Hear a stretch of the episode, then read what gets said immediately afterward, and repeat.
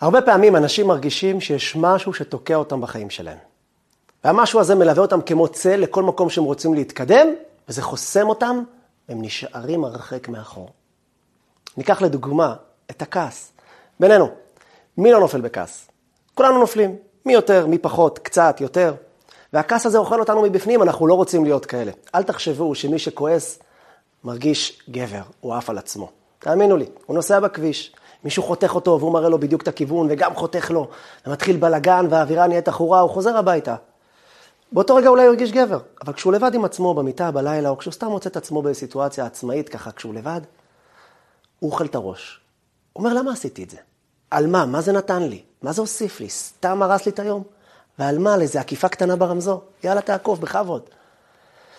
אבל זה לא עוזר, הוא החליט אלף פעם להפסיק עם זה, וזה לא הולך לו.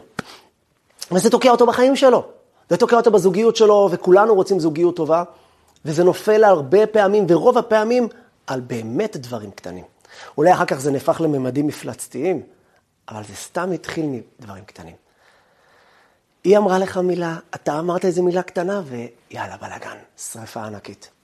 ואתה רוצה לצאת מזה, אתה רוצה זוגיות באמת טובה, מה אתה רוצה? חיים טובים, חיים מאושרים, ואתה לא מצליח, הכעס הזה חוסם אותך. זה תוקע אותך עם החברים שלך, אתה בונה חברויות במשך שנים, אתה בונה ובונה, ופתאום איזו מריבה קטנה, כמו מגדל קלפים, הכל קורס לך. אתה אומר לעצמך, די, די, אני רוצה לצאת. זה בתור בסופר, בבנק, עם הילדים שלך, שאתה נכנס הביתה, אתה מת על הילדים שלך, רוצה לתת להם חיבוק. תפסו אותך ברגע לא הכי טוב שלך, ואתה תופס עצבים. אז הם כועסים עליך, אתה כועס עליהם, אתה נשאר בסוף עם עצמך ואתה רוצה לך, מה עשיתי? זה ילדים שאני גידלתי אותם, אוהב אותם, רוצה רק לחבק אותם. למה אני נופל פעם אחרי פעם בזה? אבל אז נכנסת לך מחשבה שאומרת לך, תשמע, אחי יקר, זהו, זה אתה. תשחרר, תשחרר. כנראה זה מי ש... יש לך אף, יש לך פה, יש לך עיניים, יש לך כעס. אתה כעסן, זהו זה. אתה לא באמת יכול להשתחרר מזה לחיים חדשים. ואז אתה לומד לחיות לצד הכעס הזה. אתה אומר, זהו, זה אני. וככה אתה נופל עוד פעם ועוד פעם, והחיים שלך תקועים. והתקיעה הזאת אוכלת אותך. אתה באמת רוצה לצאת, אבל אתה לא מאמין שאתה יכול. אתה בטוח שזה המציאות שלך. תשאל את מי שכועס, תגיד, למה כעסת? הוא אומר לך, תשמע, אין לי מושג. אין לי מושג. פתאום אני כועס. רגע אחרי שהוא כועס, רגע, על מה כעסתי? על מה כעסת? אין לו מושג, אבל הוא כעס. והכעס הזה, הוא מרגיש שזה מה שחוסם אותו, אבל הוא כבר חושב שזה הוא. זהו, זה אני. יש אפשרות לצאת ממחסום כזה? יש אפשרות לשבור את הרוטינה הזאת ולצאת באמת לדרך אחרת, דרך חדשה, משהו נפלא ויפה. היום אנחנו נראה שיש דרך כזאת, בעזרת השם. אפשר לפרוץ את מחסום הכעס ולצאת לדרך חדשה, לדרך שאנחנו כל כך רוצים אותה. ואנחנו נראה את זה מקבוצה של אנשים שעשו את זה. לא סתם קבוצה, עם שלם, שהיה משועבד, מושפל, רמסו אותו ודרכו עליו, הוא הצליח לצאת. פרשת השבוע, פרשת בו, עם ישראל יוצא ממצרים. אומה שלמה מושפלת, עינויים וסבל, הצליחו לצאת לדרך חדשה. אנחנו נראה מה הם עשו כדי לצאת לדרך החדשה, כדי לדעת איך אנחנו נצליח לצאת מהכעס הזה, מהמחסום הזה, קדימה, לדרך אחרת, דרך נפלאה. אנחנו נראה גם על מנהג שכולכם מכירים, מנהג של בליל הסדר, כל הילדים מחכים לו, גנבת האפיקומן. ננסה להבין מה המשמעות של המנהג המוזר הזה, ואיך זה קשור ליציאת מצרים, ולדרך שנלמד לצאת מהמחסום של הכעס. בסוף השיעור נתמצת את כל השיעור הזה לשלושה צעדים פשוטים, שכל אחד יוכל ליישם בחיים שלו, כדי להצליח לפרוץ את מחסום הכעס, ולצאת לדרך חדשה, נפלאה, מדהימה, שיפתח לנו את כל מה שאנחנו כל כך חולמים עליו. אז כמו שאמרנו, פרשת השבוע, פרשת בו. עם ישראל, אחרי 210 שנה של שיעבוד קשה, של השפלות, עם של עבדים, הגיע הסוף. האור בקע מקצה המנהרה.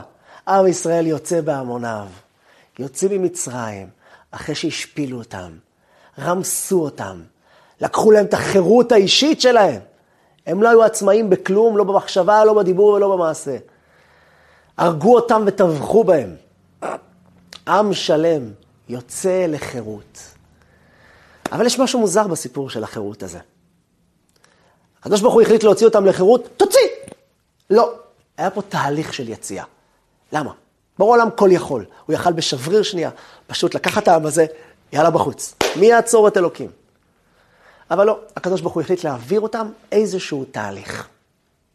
למה? למה היה צריך להעביר אותם תהליך של יציאת מצרים? קח, תוציא. אתה רוצה להתנקם בפרעה על מה שהוא עשה? בבקשה, תוציא את העם ותכסח את ההוא שנשאר שם במצרים. תפרק את העם הזה שיאבד את האומה הנבחרת הזאת, את בני אברהם, יצחק ויעקב. למה אותם, את העם הזה שכבר כל כך סובל פה? הגיע הזמן לצאת, צאו! למה להישאר שם? עוד תהליך שלקח זמן. התשובה היא, יש משפט שאומר כך, פתגם. קל להוציא יהודי מהגלות, אבל קשה להוציא את הגלות מהיהודי. שזה אומר, גם אם לקחת את היהודי מהמקום הגיאוגרפי של הגלות שלו, בתודעה שלו הוא נשאר תודעה של גלות. עם ישראל היו עבדים. אדם נולד לתוך מציאות של עבדות. הוא עבד מגיל אפס עד הקבר. הוא עבד. אבא שלו עבד, אימא שלו עבד. סבא שלו וסבתא שלו וסבא רבא שלו ואבא של סבא רבא שלו. הוא בן נכד נין בנין ובן בנין נכד נין של עבדים. הוא נולד לתוך מציאות של עבדים. גם אם תיקח אותו ותוציא אותו ממצרים, הוא יהיה עדיין רפוס. הוא יהיה עדיין עם ביטחון עצמי ברצפה, ידרכו עליו, הוא לא ידע לדרוש שום דבר מעצמו, והוא יהיה אפס מאופס. בגלל שגלות היא לא רק מקום פיזי, גיאוגרפי, היא תודעה של עבדות. העם הזה, אם אתה מוציא אותו עכשיו מכאן החוצה, הוצאת עם של עבדים והם נשארים עבדים. הם כבולים במחשבות שלהם. הם עבדים במהות לכאורה. כדי להוציא אותם מהתודעה, שזה הכי קשה, היה צריך לעבור תהליך. בואו ניקח את הכעס למשל. דיברנו על הכעס בהתחלה. מה מפריע לאדם כל כך לצאת מהכעס? תאמינו לי, עיקר הקושי הוא כמו שאמרנו בהתחלה, הוא כבר לא חושב שהוא יכול לצאת. הוא כבר כעסן בתודעה שלו. כשהוא כעס פעם אחת, ואז פעמיים, ואז שלוש, ואז עשר, ומאה, ואלף, ואלפיים, ומאה אלף, זהו. היום הוא כבר כעסן בתודעה שלו. הוא ניגש לכל מקום עם התודעה, אני כעסן, ומזה מאוד קשה להוציא. הוא צריך לעבור תהליך מסוים, שעליו עכשיו אנחנו נלמד לפרק אותו. להוציא את התודעה הכעסנית, את התודעה העבדותית, זה תהליך שאדם צריך לעבור. בגלל שאם אתה מצליח לצאת מהמקום הפיזי שלך, עדיין לא אומר שאתה לא תמשיך ליפול פעם אחר פעם באותו בור. כי לכאורה זה מי שאתה. מה עשו עם ישראל במצרים כדי לצאת מהתודעה הזאת? ברור העולם העביר אותם תהליך. שימו לב איזה קטע מעניין. היה עם, עם שלם במצרים, 210 שנה, ולא שומעים שום התייחסות מבורא עולם לזה. היה להם הבטחה שהם יצאו. אבל מעבר לזה, דממת אלחוט. מתי ברור עולם אמר, אופס, משה רבינו, קום, צא לגאול אותם. קרה פעולה אחת קטנה שהתחיל לגלגל את התהליך של הגאולה, של התהליך של החירות הזאת. התהליך הזה מתחיל בפרשה הקודמת, שבו עם ישראל, ויאנחו בני ישראל מן העבודה. עם ישראל נאנח. פרשה הקודמת, פרשת וירא, התורה מספרת, הם עבדו כל כך קשה, היה להם כל כך קשה, ואז ויאנחו בני ישראל. עם ישראל נאנח, הוא הבין, אני בבוץ, לא טוב לי כאן. זו המשמעות הראשונה של מי שרוצה לצאת מתודעה של העבדות, של הכעס שלו. עם ישראל שרצה לצאת מהתודעה של העבדות אמר בורא עולם תראו, תראו, כל עוד שאתם לא נאנחים, לא מבינים שאיפה שאתם נמצאים זה בור, אין לי איך להוציא אתכם מהתודעה הזאת. גם אם תצאו החוצה, הפיזי, החוצה פיזית, אתם תישארו עבדים בתודעה שלכם. זה כמו חולה, שכשהוא לא הולך לרופא, כי הוא לא מבין שהוא חולה והוא לא מבין שיש לו בעיה, אין את מי לרפות, אין מה לעשות איתו. דבר איתו, דבר לרוח, כי הוא לא מבין שהוא בבור. עם ישראל, מרוב שהם היו עבדים, נולדו לסבא וסבא וסבא של עבדים, הם כבר לא נאנחו, הם כבר חיו, זהו, זה החיים. ככה החיים נראים. זהו. הם היו בתודעה גלותית, עד שהם לא נאנחו, בורא עולם חיכה להנחה הזאת, להבנה, כאן לא טוב לי, אני לא רוצה להיות פה. אחרי שהגיע השלב הזה, השלב הראשון של להנח, הגיע השלב השני. וילכו בני ישראל מן העבודה, ויזעקו ותעל שבתם אל האלוקים. וישמע האלוקים את נעק, נעקת בני ישראל. גם אני שמעתי את נעקת בני ישראל אשר מצרים מעבידים אותם. הם הגיעו לשלב השני של צעקה. הצעקה אחרי שאתה מבין שלא טוב לך, אתה צועק לעזרה. הצעקה לעזרה בעצם מספרת, אני מאמין שאני יכול לצאת מפה. אתה לא נמצא בחלל, אדם שנמצא בחלל אינסופי, במדבר אינסופי, הוא לא צועק לעזרה, אין מי שישמע אותו. אלא אם כן הוא חושב שמישהו יעבור פה. אם הוא יודע בבירור שאין עוד אנשים בעולם, אין לו למי לצעוק. הצעקה אומרת, אני מאמין שאני יכול לצאת, ואני מאמין שיש מישהו ששומע אותי. ויש מישהו ששומע אותנו. אלוקים שומע. ותעל שבתם אל אלוקים, וישמע אלוקים. אלוקים שומע. גם אני שמעתי את נאקת בני ישראל, אשר מצרים מעבידים אותם. הוא רק חיכה להנחה, ואז לזעקה. גם אדם שיודע שהוא חולה, אבל הוא לא פונה לעזרה, התקדמנו צעד מסוים. כמו שאמרנו, ללכת לרופא זה חצי תרופה. אבל אם אתה נשאר בבית, גם אם אתה מבין שאתה חולה, ולא טוב לך, אבל פשוט אתה לא מאמין שאתה יכול לצאת מפה. אה, אף אחד לא יכול לעזור לי, אין רופא שמבין בזה. אתה נשאר בבית שלך, אין איך לעזור לך. עם ישראל שהוא צעק, הוא האמין שהוא יכול לצאת מכאן. הוא מסוגל לצאת מזה. בואו ניקח את זה לכעס שלנו שנייה, את שתי השלבים האלה. אדם שכועס, כמו שהסברנו, זה האמת. עיקר הבעיה שלו היא כעס תודעתי. הכעס התודעתי הזה, הוא זה מה שגורם לו להיתקע כל כך הרבה זמן במקום שלו. מספרים שהיה קרקס, שבעל הקרקס היה לו פיל אפריקני גדול. הפיל הזה היה עושה פעלולים והיה מאוד מעניין, אבל שמו לב לדבר מאוד מרתק. בסיום ההופעה, או על כל פנים כשהוא לקח חיות אחרות, הוא קשר את הפיל עם חוט. חוט! חבלון קטן לכיסא כתר. כיסא פשוט. אנשים לא הבינו, והפיל נעמד. באותו שנייה שהוא עשה את זה, הפיל לא זר, זהו. הוא תקוע. שאלו את בעל הקרקס, תגיד לי, איך אתה עושה את זה? כאילו הוא מעיף את הכיסא ביחד איתך עם רוב האנשים פה, האולם פה עף איתו. אז איך אתה מצליח לקשור אותו לכיסא כזה? זאת אומרת, תראו, הפיל הזה גדל אצלי מאז שהוא גור. כשהיה גור, אני קשרתי אותו עם חבל לעץ, עץ חזק. והפיל התפרע, התפרע, וניסה לצאת, וניסה, ולא הצליח, ולא הצליח. והוא ניסה עוד פעם ועוד פעם, חודש, חודשיים ושלושה, ואחרי שלושה חודשים הוא הפסיק, לה, הוא הפסיק לנסות אפילו. מדי פעם, פעם ב, אבל עדיין לא היה קשור, עד שהוא הפסיק לחלוטין את הניסיון לצאת מהעץ.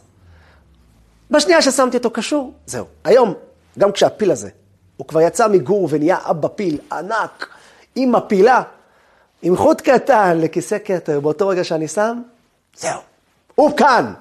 כבר אי אפשר להוציא אותו מזה. זה נקרא תודעה. זה תודעה של קשור. הוא לא קשור! תשתחרר, אבא! אבל אתה בתודעה, זה לא יעזור לך. הוא יודע, אני קשור. בספארי, כאן בארץ ישראל, יש כאן אריות, שמשוחררים כזה בתוך אה, גדר חשמלית כזאת, שאנשים יכולים לראות אותם, נמצאים בתוך רכבים. אז יש שם, בכל יום, יש שם כמה רכבים, ג'יפים כאלה קטנים, שמכניסים אותם חזרה לכלוב. בלילה הם לא נמצאים בשטח הפתוח, הם נמצאים בתוך הכלובים.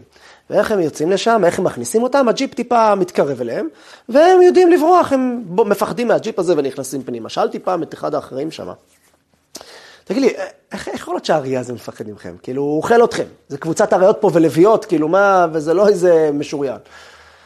אז כמובן שמן הסתם זה גם בטיחותי, אבל הוא אמר לי כך. הוא אמר לי, דרך האריות האלה גדלו פה מאז שהם קטנים. הם יודעים מהג'יפ הזה, מפחדים. אז גם היום כשהם אריות גדולים, באמת באמת, הם לא אריות. כלומר, מול הכלי הזה, הם לא באמת אריה. הם בתודעה שלהם מזה פחד, פחד. הם נכנסים פנימה, סוגרים עליהם את הכלוב. זה נקרא תודעה. אנחנו נמצאים בעיקר בכעס תודעתי. השלב הראשון שאנחנו צריכים לעשות כדי לצאת מהכעס התודעתי הזה, היא מה שעם ישראל עשו ביציאה ממצרים. דבר ראשון, ויאנחו. תבין, אתה לא נמצא במקום טוב. כל עוד שאתה אומר, זה החיים, כך צריך להיות. כך צריך להיות. מי יעזור לך? וזה לא כך צריך להיות. ומי שחושב שזהו, זה החיים, אני רוצה לספר לו, אלוקים לא ברא אותך כדי לסבול. אלוקים לא ברא גלובוס שלם של אנשים שיסבלו. אם אתה סובל, זה אומר שעשית פה משהו לא נכון בתהליך של היציאה. זה משהו תודעתי יותר ממשהו אמיתי. אתה כועס אולי לפעמים, אבל בעיקר מה שחוסם אותך זה התודעה שלך של הרצון לצאת, של היכולת לצאת. הדבר ראשון, להבין שאתה נמצא במקום לא טוב. ויהלכו בני ישראל. תענח, תבין שאתה לא נמצא במקום הכי נעים. אתה יכול חיים אחרים. ואז שלב שני, ויזעקו. האמונה באפשרות שלך לצאת. הצעקה לאלוקים, להרים את העיניים ולומר אלוקים, אני רוצה לצאת מפה. אני לא יודע איך, גם עם ישראל לא ידע איך לצאת מפה. הם צעקו לא כי הם אמרו, תעשה א', ב', ג', הם לא ידעו איך לצאת. אבל הם כבר התחילו להאמין. הם האמינו, ויאמן העם. כשמשה רבנו בא לגאול אותם, הוא האמין. הם האמינו לו. אבל הם האמינו לו, בגלל שהם עברו את שתי השלבים הראשונים. הם הבינו שהם נמצאים בבוץ. הם האמינו שהם מסוגלים לצאת מהבוץ הזה, והם צעקו לעזרה. כי אני לא נולדתי כאן כדי לסבול, אז חייב להיות דרך, שאין לי מושג אולי כרגע, אבל חייב להיות דרך לצאת מהתודעה הזאת. כמו שאמרנו, הפיל הזה באמת יכול לצאת. הוא בשנייה מנתק את החוט. מה שחוסם אותו זה התודעה. תאמין שאתה פיל, תאמין שאתה אריה, תאמין שאתה מסוגל לצאת מפה. תן צעקה לאלוקים. אחרי שאנחנו עושים את זה, מגיע השלב השלישי. יש משהו מאוד מעניין, נחזור למצרים כדי ללמוד את השלב הזה. ביציאת מצרים יש משהו מרתק. כאילו, אתם רוצים לצאת, אוקיי, נאנחתם, צעקתם, יאללה, החוצה. לא. משה רבינו, כשהולך לפרעה, הוא לא אומר לו, אנחנו הולכים ביי. לא. הוא משקר את פרעה. כן, משה רבינו משקר. הוא אומר לו, דרך שלושה ימ, שלושת ימים נלך. אנחנו הולכים לשלושה ימים וחוזרים. פרעה הסכים על דעת זה. בהתחלה הוא לא הסכים, כן הסכים, עוד מכה, ועד התחרט, ואז... בסוף הוא הסכים להם לצאת לשלושה ימים. למה משה רבנו שיקר אותו? כאילו, הרי באמת רציתם לצאת לכל החיים, אז תגיד לו, למה מי הוא בכלל? תפרק אותו. לא, אני יוצא לשלושה ימים, ואנחנו נחזור. ופרעה ככה חשב. בפרשה הבאה, פרשת בשלח, ויוגד לפרעה מלך מצרים, כי ברח העם. רש"י מסביר שהוא שלח איתם, ביחד עם הקבוצה היהודית שיצאה ממצרים, אחרי מכת בכורות, הוא שלח איתם אה, כמה מלשינים, שיהיו בשטח, מרגלים, מה שנקרא. סוכנים סמויים, שיגידו לו מה קורה. והם סיפרו לפרעה, אה, עבד עליך, הוא אמר לך שלושה ימים, ברח, הוא לא מתכוון לחזור. רגע, למה, למה משה רבנו עשה את זה? תגיד לו, אני הולך, ביי. לא. משה רבנו מספר לו, אני הולך לשלושה ימים. למה היה צריך לשקר את פרעה? כדי להגיע למציאות של היציאה. נאנחת, זעקת, צא. לא, נאנחתי, זעקתי, אני משקר את פרעה. מה זה בא להגיד לנו? כמו שאמרנו, הבעיה היא בעיה תודעתית. באים להגיד לנו, אתה רוצה שנייה לצאת מהתודעה הזאת? תשקר. מה זה אומר לשקר? מה זה אומר? אמרנו שאם עם ישראל היה יוצא ממצרים, מבחינתו הוא עדיין היה עבד בתודעה שלו. ואז אתה מגיע ואומר, תראה, אני הולך רק לשלושה ימים. ואז ההתנגדות הטבעית של המוח שכבר עובד במשך שנים כעבד. הוא אומר לך, אה, אבל אתה עבד, אה, אבל אתה עבד. אם אתה הולך ל... אתה אומר לו, תשמע, אני משתחרר, זהו, אני לא עבד. הוא יישב עליך עם כלים הכי כבדים שיש לו, ויספר לך שאתה כן עבד. והוא יראה לך את כל הכישלונות ואת כל החיים שלך. אתה כן ואתה כן. ואז אתה תיפול עוד פעם. הדרך שלנו לנצח את התודעה הזאת, שכל כך עמוק אצלנו בלב, במוח, אנחנו חושבים ככה, חיים ככה, נושמים עם זה, אוכלים עם זה, ו... תשקר אותו. תגיד לו, לא, אני הולך רק לשלושה ימים, אני עדיין עבד. אתה אומר לפרעה שחוסם אותך מלצאת, הרי פרעה הוא זה שלא נותן לך לצאת ממצרים. אתה אומר לו, אני הולך רק לשלושה ימים, ואז הוא משחרר אותך. כמובן, אחרי כמה מכות טובות. אבל אחרי המכות האלה הוא אומר, תשמע, רק שלושה ימים, יאללה, נו, נשחרר אותך שלושה ימים, תחזרו. הוא, פר, הוא מפסיק לפמפם לך, אתה עבד, אתה עבד, אתה עבד. כי אתה אומר, נכון, אני עבד, אני עבד. אבל עכשיו אני יוצא קודם כל שלושה ימים, שלושה ימים אני לא עבד. שלושה ימים אני עושה פעולות הפוכות מעבד. ואז נשבר התודעה, כי בעצם אני עושה פעולות של בן חורין, למרות שאני מח... אני עדיין לא אומר אני לא. אני לא בן חורין, ואני עושה פעולות של בן חורין. זה עוזר. בוא ניקח את זה לדוגמה של הכעס. כעסן. בוא נגיד דוגמה עם הילדים. אתה נכנס הביתה, ניקית את הבית, עזרת, הכל פה מצוחצח, מגיע הילד שלך, מביא את החומוס על הרצפה ככה, את המעדן, טראח, מתלכלך, ואתה תופס עצבים, אתה לא יודע אפילו, אתה לפני שאתה מברר בכלל איך זה קרה לו, אולי הוא נפל, אולי הוא התגלגל מסכן. מגיע אליו, נותן צרחות, ו... אופס, תשמע דרך חדשה. אתה ראית שהוא עשה את זה? פתח את המקפיא, תוציא ארטיק, תוציא ביסלי קטן, תן לילד שלך עם חיבוק. אבל שים לב לפרט. למרות שאתה לא אוהב אותו. כלומר, תוך כדי שאתה כביכול, מחילה על המילה, שונא את הילד שלך עכשיו. שונא אותו. תן לו חיבוק ותשנא אותו. אל תחכה שתאהב אותו כדי לחבק. מה, אני צבוע? מה, אני אחבק אותו סתם? אני ממש שונא אותו. תשנא. תעשה אבל פעולות של אהבה. לא בגלל שרק האהבה הזאת היא תשפיע על החיים שלך. לא רק מצד זה, זה גם נכון. הפעולות שלנו משפיעות על הפנים שלנו, אבל הרבה יותר עמוק מזה. אתה שובר את התודעה שלך. אתה משקר את עצמך, וזה בסדר גמור. אם תגיד לעצמך, אני לא כועס, זהו, אני לא כועס, אני לא כועס על הילד שלי, אני מרגיע נשימות עמוקות, אני לא כועס. אולי זה טריקים טובים, אבל אתה תמצא את עצמך אלף פעם כן כועס. באיזשהו שלב גם תפסיק לעשות את הנשימות האלה, כי אתה כבר לא מאמין לעצמך שלא תיפול. בשלב הזה שאנחנו אומרים עכשיו, זה שלב אחר לגמרי. אני כעסן, נכון, אני כעסן. הילד ששפך פה, אני כועס עליו, כועס מאוד. קח ארטיק. שונא אותך, קח ביסלי. אתה נמצא בכביש, מישהו חותך אותך. הוא ככה, סטראח, אתה עומד עכשיו להחזיר לו. הבטחת אותו, דפוק לו בעדינות על האוטו, תן לו חיבוק, אחי יקר, אני אוהב אותך. תוך כדי שאתה שונא אותו. בגלל שלצאת ממהלך תודעתי של כעס, היא חייבת לעבור דרך פעולות הפוכות. הפעולות האלה גורמות לנו לצאת מתודעה, אנחנו משקרים את עצמנו ומספרים לעצמנו סיפור חדש על עצמנו. אבל אם נעמיק בזה, האמת שזה משהו קצת אחר. זה לא שאנחנו באמת משקרים. האמת שזו האמת הפנימית שלנו. מי אתה? האמת שאנחנו נשמה אלוקית, אנחנו לא כעסנים באמת, אנחנו כעסנים בפעולות. האמת שאנחנו נשמה, אנחנו מעוניינים לא לכעוס, כמו שאמרנו בהתחלה, אנחנו רוצים מאוד לצאת לדרך חדשה. אבל התודעה הורסת אותנו. כשאנחנו עושים את הפעולות ההפוכות, זו האמת שלנו. אנחנו לא באמת משקרים, אנחנו מתחברים למי שעצמנו, מי שאנחנו. הייתה אה, נערה צעירה שהייתה רכושנית, מה שנקרא, הייתה כל דבר רכוש שלי, שלי, שלי, שלי, לא הייתה מחלקת שום דבר לאף אחד. כל דבר היה שלה, ולא נותנת לאף אחד, לא משחררת לאף אחד שום דבר. וכמה שניסו לנסות לטפל בזה, איך אומרים, היא קיבלה חותמת, אדוני, את, יש לך בעיה רכושנית? בעיה. הרבה אמרו לה, זה מלווה אותך לכל החיים, תתלווי אליו. אין מה לעשות. זה החיים שלך. כל אחד עם החסרונות שלך, יש לך אף, יש לך פה, יש לך אוזניים, זה, זה את. אבל אה, זה הפריע לה בחיים שלה. היא לא יכלה לתת שום דבר לאף אחד. תבינו שזה גם בזוגיות מפריע לה, ומפריע לה גם בילדים, היא לא מסוגלת לתת לילדים שלה, לבעלה, ולחברות שלה, והיא כל דבר רק לקחת ולקחת. ואז היא הגיעה יום אחד לרבי מלובביץ', והיא סיפרה לו את הבעיה. הרבי מלובביץ' בירך אותה, ואז לפני שהיא הולכת, הרבי מלובביץ' נותן לה דולר, ואומר לה, את יכולה לעשות לי טובה? אומרת לו, מה? קחי את הדולר הזה, יש מחוץ לבניין פה אדם עני, את יכולה לשים לו את זה בקופה שלו?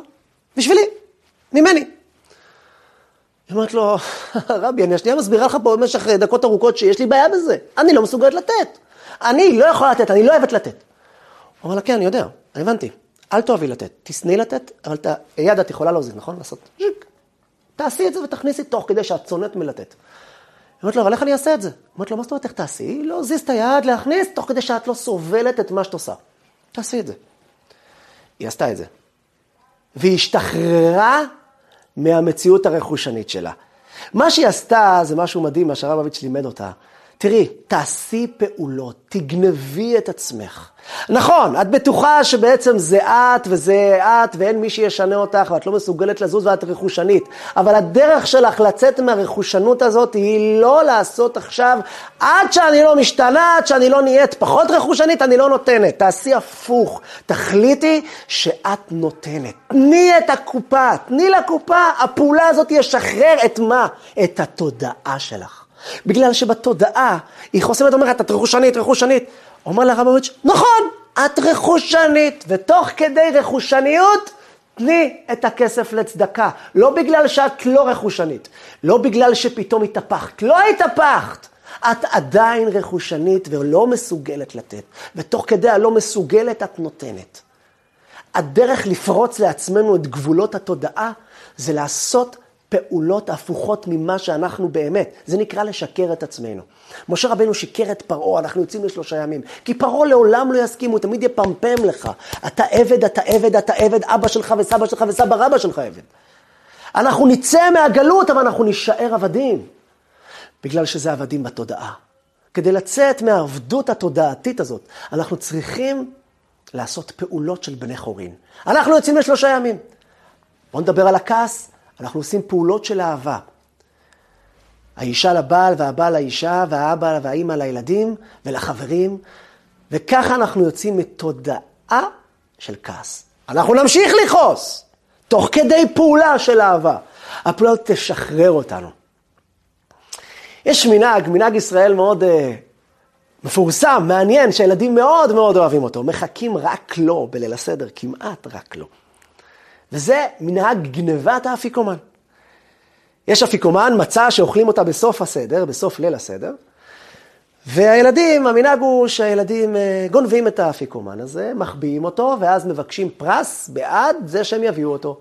כמובן, לא, או לפעמים זה הפוך, שההורים מחביאים את האפיקומן, הילדים צריכים למצוא, ומי שמוצא מקבל את הפרס. המנהג הזה הוא מאוד מוזר. כאילו, מה, אתה מחנך את הילדים שלך לגנוב? כאילו, מה? כאילו, אוקיי. היום גונבים. מי הגנב המוצלח ביותר בבית שלנו? משה. אוקיי, הוא הגנב הכי טוב, הצליח לעשות את זה בלי שאף אחד יראה, והוא לא מוכן, ועוד לא רק זה, הוא מקבל פרס על זה, מקבל אופניים. מקבל את הפרס שהוא מעוניין כל כך הרבה, מחכה כל השנה לגנבת האפיגומן. מה זה המנהג הזה? מנהג מוזר. היה לי סבא, סבא רבא, רבי רפאל בירדוגו. הוא היה רבה של מקנס. נפטר לפני uh, כ-15 שנה בערך, והסבא הזה היה גר בבני ברק. והוא הגיע לארץ, שמה במרוקו, איפה שהוא היה במקנס, לא נהגו את המנהג הזה, שמנהג אפיקון לא שמע על זה אף פעם. והוא לא, לא, לא היה מודע לזה, הוא הגיע לארץ. הגיע לבית של הבת שלו, התארח שמה, וסבתא אה, אטיאס, שזה הבת שלו, זה סבתא שלי, וכל הילדים התאספו לסדר, והסבא ברדוגו, הוא ניהל את הסדר, כיבדו אותו. הסבא הצדיק, התלמיד חכם, הוא ניהל את הסדר, ואז אחד הילדים, אחד הדודים שלי, אחד הילדים, לקח את האפיקומן בשקט והחביא אותה. כשהגיע הזמן האפיקומן, כולם מחפשים את האפיקומן, ואופס, נעלם. מיד אה, מי, מי, מי, ואז אחד אומר, אני הצלחתי, אני החבאתי אותו. סבא, אתה רוצה את זה? תביא לי. לא יודע מה הוא אמר לו, בוא נגיד אופניים. תביא לי אופניים, אחרי הזה, אחרי החג, אני לא מחזיר לך את האפיקומן. סבא שלי היה בשוק של החיים שלו. נהיה אדום, לא מכעס, ממבוכה. והוא רואה שכולם שותקים. אבא שלו, אימא שלו, כולם מחייכים, כולם מבסוטים, איזה מותק. מה מותק? גנב! גנב לי את האפיקומן! על מה מותק? הוא אומר לו, הוא דרש ממנו, הוא אומר לו, אה, תביא לי בבקשה את האפיקומן. הוא אומר לו, לא, סבא, בתנאי שתביא לי משהו. אז סבא אומר לו, תגיד לי, אתה רציני? תביא לי את האפיקומן, אנחנו צריכים לאכול אפיקומן, זה מצווה, מה אתה עושה? ניסו להסביר לסבא, לקח לו הרבה זמן לעכל את זה, הוא אומר, אבל זה גניבה. ניסו להסביר לו את העניין, היה לו מאוד קשה לעיכול, כל העסק הזה. מה זה? באמת מה זה? מה זה הקטע הזה של גנבת האפיקומן? יש כאן קטע מאוד מעניין. כשגונבים את האפיקומן, באים להגיד לך, כל הסיפור של יציאת מצרים הוא סיפור של גנבה אחת גדולה. תגנוב את עצמך, הכי יקר. אתה נמצא במקום לא טוב. אתה נמצא במקום שאתה לא מצליח להשתחרר, מהמחסום של הכעס שלך. אתה רוצה להצליח? תגנוב את המציאות של הכעס שלך, תשקר אותה. אל תספר לעצמך שאתה לא כעסן. אתה תיפול פעם אחרי פעם. תגיד, אני כן כעסן. אבל תעשה פעולות של אהבה. עם האישה, עם הילדים שלך, עם החברים שלך. החבר שלך הוציא אותך מהכלים. קח אותו אותנו לחיבוק, תגיד לו, אני לוקח אותך עליי, בוא, רוצה איתי לסיבוב? חולה עליך. תוך כדי שאתה מת לתת לו בוקס. ואל תעבוד כרגע על, אני לא כועס. אולי גם זה, זה קצת יעזור כתרגיל, אבל הרעיון העמוק פה זה תוך כדי התנועה, לשקר את עצמך שאתה עדיין כעסן, ואז לעשות פעולות של אהבה, ואז פתאום אתה מתחבר לעצמך. אתה מגלה מי אתה. אתה גונב את עצמך. זה הסיפור של מנהג האפיקומן, שאנחנו גונבים אותו, אנחנו בעצם אומרים לילד שלנו, כן, לפעמים תגנוב את עצמך.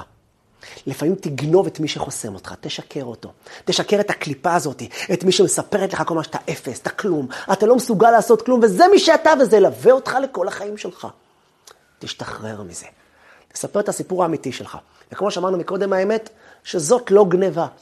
הפוך, הצד השני גנב אותנו כל כך הרבה זמן, ואנחנו צריכים עכשיו להגיד, לא, זה אני, אני זה המציאות הטובה הזאת, המציאות הנכונה, המציאות האלוקית, אני שייך לתורה, אני שייך למצוות, אני שייך לאלוקים, אני שייך לא לכעס, אני שייך לאהבה, אני שייך לחיבה, אני שייך לנתינה, אני שייך למידות טובות, זה אני. אבל כדי להצליח לשבור את התודעה, אני כרגע משקר את עצמי. נכון, אני שלך. כרגע אני עושה כמה פעולות הפוכות. ואז אנחנו מצליחים להשתחרר. אם נסכם את כל השיעור הזה לשלושה צעדים פשוטים, שלושה צעדים קלים, אבל היא שוברת את התודעה. שלב ראשון, ויאנחו בני ישראל. להבין שאתה נמצא בבוץ. תבין, זה לא כזה קשה. אתה רואה לאן זה תוקע אותך, אבל תתבונן בזה כמה דקות. תיקח לעצמך, תפנים, אני לא נמצא במקום טוב. ואז, ויזעקו.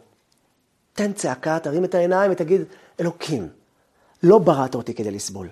תן לי את הכוח לצאת. הכוח הזה לצאת, יש לך.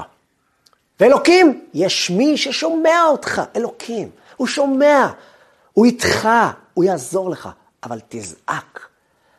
תאמין ביכולת שלך, של הקדוש ברוך הוא, לתת לך את הכוח לצאת החוצה. ואז, ואז פשוט תקום ותברח, ותגנוב את עצמך. ברח ממצרים, ברח מהכעס, תוך כדי הכעס, תוך כדי שאתה כועס. תן לעצמך את האמת שאתה פיל, אתה אריה.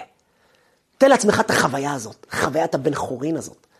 אתה לא כעסן. זאת אומרת, פעולות לא של כעס. תן לעצמך לחוות מה זה לא לכעוס. בחוויה אמיתית, לא תוך כדי מחשבה, אני לא כעסן, זה יפיל אותך. כי אתה כן כעסן, כרגע. ואז, כשאתה גונב את עצמך, אתה מצליח למצוא את עצמך פעם אחר פעם מצליח, ואז אתה מקבל את הכל. אז אפשר לצאת לדרך חדשה. הנחה, זעקה וגניבה, או הנחה, זעקה והאמת הפנימית. אז צאו לדרך חדשה. השתחררו ממחסום הכעס.